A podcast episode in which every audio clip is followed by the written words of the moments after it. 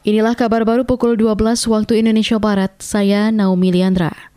Pemerintah terus berupaya menekan angka kecelakaan lalu lintas melalui sejumlah program, di antaranya meningkatkan kualitas dan kapasitas jalan serta penertiban aturan dimensi maupun beban muatan kendaraan. Hal itu diungkapkan Menteri Perhubungan Budi Karya Sumadi dalam diskusi yang digelar kementeriannya hari ini.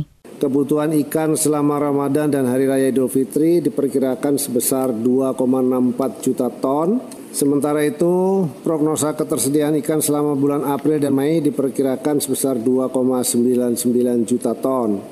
Dengan memperhatikan pola musim penangkapan dan produksi budidaya, dengan demikian prognosa pasokan ikan diperkirakan cukup untuk memenuhi kebutuhan Ramadan dan Hari Raya Idul Fitri. Menteri Perhubungan Budi Karya Sumadi menambahkan tata cara penanganan korban kecelakaan lalu lintas juga bakal ditingkatkan.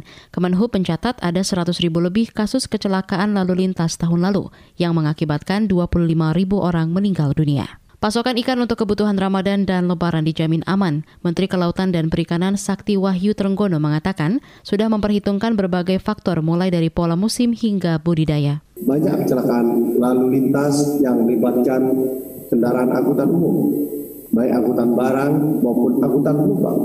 Terjadinya kecelakaan lalu lintas tentunya tidak terlepas dari kondisi iklim dan cuaca ekstrim saat ini, serta beberapa faktor yang mempengaruhi keselamatan di jalan raya, yang meliputi budaya berlalu lintas, kompetensi dari pengemudi, pemahaman regulasi, serta kondisi sarana dan prasarana transportasi darat. Menteri Kelautan dan Perikanan Sakti Wahyu Trenggono mengingatkan harga ikan di sejumlah kota besar biasanya naik hingga 5 persen pada pekan pertama Ramadan. Ini lantaran nelayan tidak melaut untuk menghormati datangnya bulan puasa. Harga akan kembali normal di pekan kedua sampai lebaran. Saudara, Indonesia menjadi negara dengan polusi udara tertinggi se-Asia Tenggara sepanjang tahun lalu.